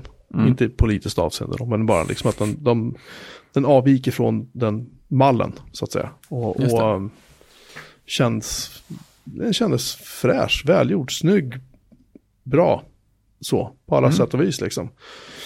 Ehm, och jag tycker att den är, nej, jag rekommenderar den. Fem av fem. Jag kan också nämna att uh, Ivor Powell som faktiskt var med och producerade Blade Runner har skrivit manus till den. Eller var med och skrev manus till ja. en av dem som har gjort det. Det är bara det. Mm. Uh, sen har vi en film som heter Now You See Me. Eller om någon av er har sett den. Ja, det finns, det finns två. Ja, de har gjort, ja, de har gjort, ja, de har gjort ettan och tvåan. Det har talats om en trea såg jag. Uh, jag tyckte att det här var, den här filmen var skitdålig. Den, hela premissen känns som att oh, det här kan ju bli intressant. Liksom. Uh, det, det, är då ett gäng uh, illusionister ska vi väl kalla dem för. Om vi är snälla. Och de då eh, som en del av sin, sitt eh, nummer då, sitt trolleritrick, rånar de banker och delar ut pengarna till publiken. Mm. Och redan där blir det så här, okej. Okay. Eh, och på något sätt sen så känns det som att de i större delen av filmen mest bara springer. Folk springer efter varandra och jagar varandra. Och polisen jagar dem och några andra jagar de här illusionisterna. Och, och, det är väldigt svårt att få något sans i vad är det som faktiskt händer. Vad är det, hur hänger allt det här ihop? Liksom. Mm. Eh, kan jag känna. Och därför så tycker jag, jag tyckte den var genuint jävla tråkig. Liksom, just för att det var bara, de bara sprang och sprang och sprang och sprang och liksom. En löparfilm. Ja men lite så liksom. Uh, jag vet inte vad du tycker Fredrik, men jag, jag eller Christian förlåt, men jag, jag, tycker att den var kass. Jag har gett den 2,5 av 5. Den har fått 7 av 10 på IMDB, ska sägas. Ja, den kom i 2013 och Eh, den fick ju ganska blandad kritik. Men den hade en budget på eh, 75 eh, miljoner USD. Mm. Och spelade in 351. 351. Det är okej. Okay. Eh, så att eh, man kan säga att den blev ju en riktig succé. Men jag kommer inte riktigt ihåg den. Alltså jag vet ju att de, att de har publik och att de, mm, de har sin vad heter de? The Horsemen, The Four Horsemen. Four Horsemen, ja. Precis. Ja. Och så eh, eh, rånar de bankerna och eh, pengarna eh, ringlar ner. Och sen så är de jagade av FBI. Eh, men jag vill minnas att jag tyckte första var ganska, var lite häftig. Skulle jag säga då. Eh, sen så var väl eh, tvåan nästan likadan. Det kan jag, inte komma, jag kan inte komma ihåg. Den kom 2016. Ja, jag tänker inte lägga ner någon energi på att se den, kan jag säga. Eh, men det är ganska bra eh, cast med eh, Jesse Eisenberg, Mark Ruffalo, Woody Harrelson, eh, Michael Caine, Morgan Freeman. Ja, det... det är många som är med. Ja, de, de har ju lite mindre roller de två sistnämnda herrarna. Ändå, de blir ju inte med sådär superofta. Men, men jo, de, de skänker väl någon sorts cred till till filmen. Och sen självklart Woody Harrelson är ju med, han är ju, typ, han är ju alltid sevärd. Men han spelar ju Woody Harrelson, han är lite grann som Persbrandt liksom. Han kan bara spela en typ av karaktär, det är, det är sig själv. Um, så att, ah, nej, nej, jag, nej, blä. Jag vill bara glömma den. Um, vi måste, vi måste ja. nästan jämföra den här då med, eh, får vi bara hålla oss här lite, det här får, det får Fredrik fixa i klippningen sen. Men om vi då hoppar tillbaka till B-filmsbetygen här nu då. Mm. Eh, när, när pratade du om dem? Det var länge sedan eller? Ja, det är säkert eh, två, tre avsnitt sedan. Mm. Måste ju bara jämföra då eh, B-film special. Då, vad hade vi för, vad, vad vi hade för betyg där? Vi hade bara tre B-filmer eller? Det var, det var vad jag orkade med mentalt innan jag nästan ja, bröt ihop. Så, Ja men det var inte så nära för du hade uh, The Liar of the White Worm då en av fem. Uh, och då fick den här två och en halv då. Jag var lite rädd att du hade något som var på två där då av B-filmer så att du hade klassat den här som en B-film. Nej, det skulle jag väl inte säga att jag har, men, men jag är... Uh... Det är inte en B-film för den är väldigt välproducerad, men det känns som att manuset är jävligt tunt. När, och man tillbringar väldigt mycket tid med att folk jagar varandra hela tiden. Och det är så här, det, det, dialogen är hela tiden i farten. Så känns det på något sätt som att då är det inte riktigt, då har de inte tänkt igenom det här riktigt. Det känns som att de försöker nog koka soppa på den berömda spiken. Liksom. Ja. Men eh, den är bättre än, eh, den är bättre än eh, Free Guy. Som du gav 1,5. Men lite sämre än eh, Cake, det underliga dramat med Jennifer Aniston som fick ja. 3 av 5. Ja, det kan man väl säga.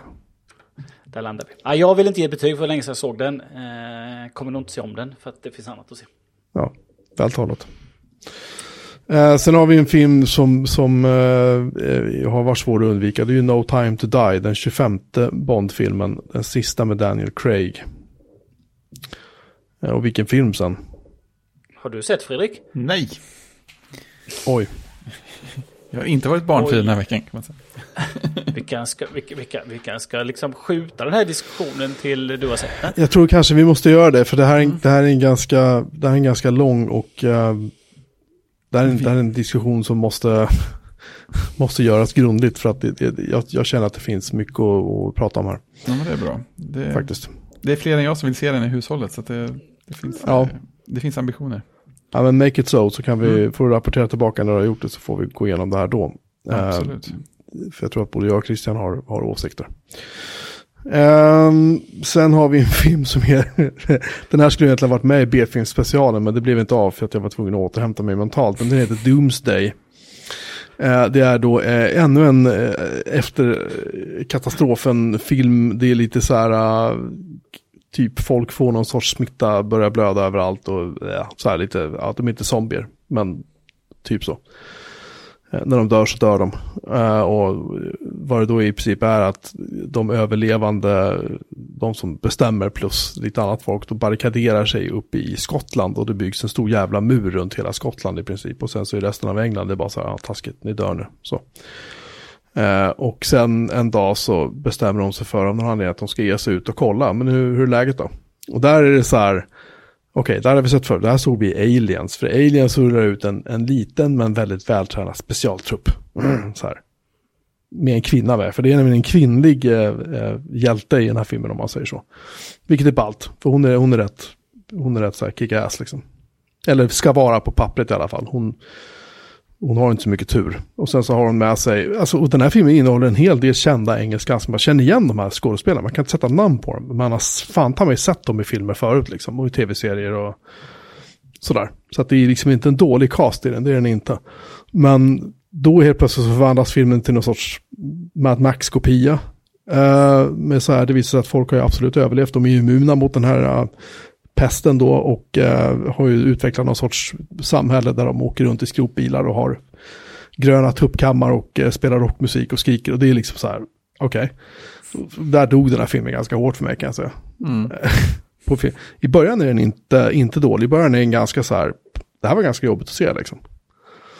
Men det spårar ur fort som fan. Det är lite grann som den här uh, Rutger Hauer-filmen, vad hette den? Som vi pratade om för länge sedan, där London står under vatten. Ja, just det, just det. Vad fan Finns hette det dåliga Rutger Hauer-filmer? Ja, den här är riktigt jävla dålig faktiskt. Vad hette den? Jag lägger in en länk. Där har han solglasögon i mörkret och sådana grejer. Han har solglasögon hela tiden i filmen, även om det är kolsvart ut går han runt i solglasögon och konstant tuggar på en cigarr liksom. Han är ju stenhård vet du. Den hette, nu får vi gå långt tillbaka i tiden här, en känsla av. Den hette väl, uh... gud vad mycket skitfilmer han har gjort. Men den hette, vad fan är den? Split Second hette den, från 1992. Där han spelar Harley Stone. Såklart. Bra film. Där, där det är då någon sorts blandning mellan eh, apokalyps, eh, översvämning och någon sorts eh, monster. 6,2 av 10 på IMDB. Hur som helst, den här filmen, eh, ja, det är en film. den är ju inte heller så, så, så bra, kan man säga. Den har fått 5,9 av 10 på IMDB. Eh, och det förtjänar den den är skitdålig, så är inte den. Uh, jag har uh, gett den, uh, ska vi se, en av fem BMO. En film som däremot faktiskt var ganska rolig. Som jag, den såg jag också på Netflix, heter The Hunt. Och den, uh, det kommer låta helt vansinnigt när jag beskriver handlingen som att det här skulle vara en rolig film. Uh, det är en film som går ut på att det är då ultrarika människor i USA då som roar sig med att jaga kidnappade låginkomsttagare på en inhägnad egendom och, eh, och, och mörda dem helt enkelt. Det, det känns verkligen bra.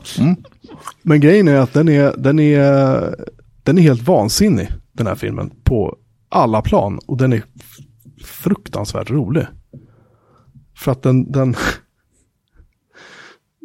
de som är onda, de, de får på käften så det bara visslar om det. Och, och de här människorna som då har blivit utvalda och kidnappade, de visar sig att de är inte så jävla oskyldiga de heller egentligen. De är ju eh, rasister och de är liksom, du vet, konspirationsteoretiker och de är allt möjligt då. Så att det, de är ju inte heller helt um, oskyldiga. Så det, är jätte, det är jättesvårt liksom att bestämma sig vilka ska heja på i den här. Det. Innan, innan det börjar utkristallisera sig vem det är som faktiskt är den riktiga hjälten. Så att säga. Mm. Jag tänker inte säga mer. Men den, den är så här, um, den har fått 6,5 av 10 på IMDB. Jag tycker att den är värd mer. Uh, för jag tycker faktiskt att den var, den var ganska rolig. Ehm, um, Hillary Swank är faktiskt med i den. Inte en superstor roll, men hon, hon är... Uh, hon är med och gör, gör en uh, bra, bra insats. Det är en episk, episk jävla slutfight i den här filmen mellan, mellan uh, hjälten och Hillary Swank. Uh, så här, riktigt slagsmål liksom. Uh, jag har gett den 3,5 av 5 BM. Jag tycker att den var sådär. Som sagt, det låter helt bisarrt att säga att det här är en rolig film, men den är faktiskt, det, det är lite så här Tarantino-aktigt våld liksom i Ja, den. okej. Men det är inte så att man tycker att öh vad äckligt, utan det är faktiskt man genuint mest sitter bara och garvar liksom, för att det är så jävla, det är så överdrivet på vissa ställen. Och de har Ja, överdrivit det, de har överdrivit det med humor. Det är det som är tanken. såna, den stilen är man ju inte bortskämd med. Nej, så att den, är, eh, den rekommenderar vi. Eller jag rekommenderar den i alla fall varmt. Den är ju skriven av eh, Damon Lindelof. Ja, jag känner igen det namnet. Ja, han, ja, han är... Han, vad han har skrivit, han har ju exempelvis skrivit World War Z, Star Just Trek det, Into just, Darkness, just det. eh, Cowboys and Aliens, eh, den, vad heter den, Aliens eh, prequelen eller vad det tror jag, Lost. Ja, Just det, där jag sett hans namn. Ja, det var väl där han eh, blev eh, kanske mest känd, tror jag, för oss. Eh, sen han var, han var, var väl med och producerade många av dem också. Han har skrivit den Tomorrowland, det är väl den med... Eh,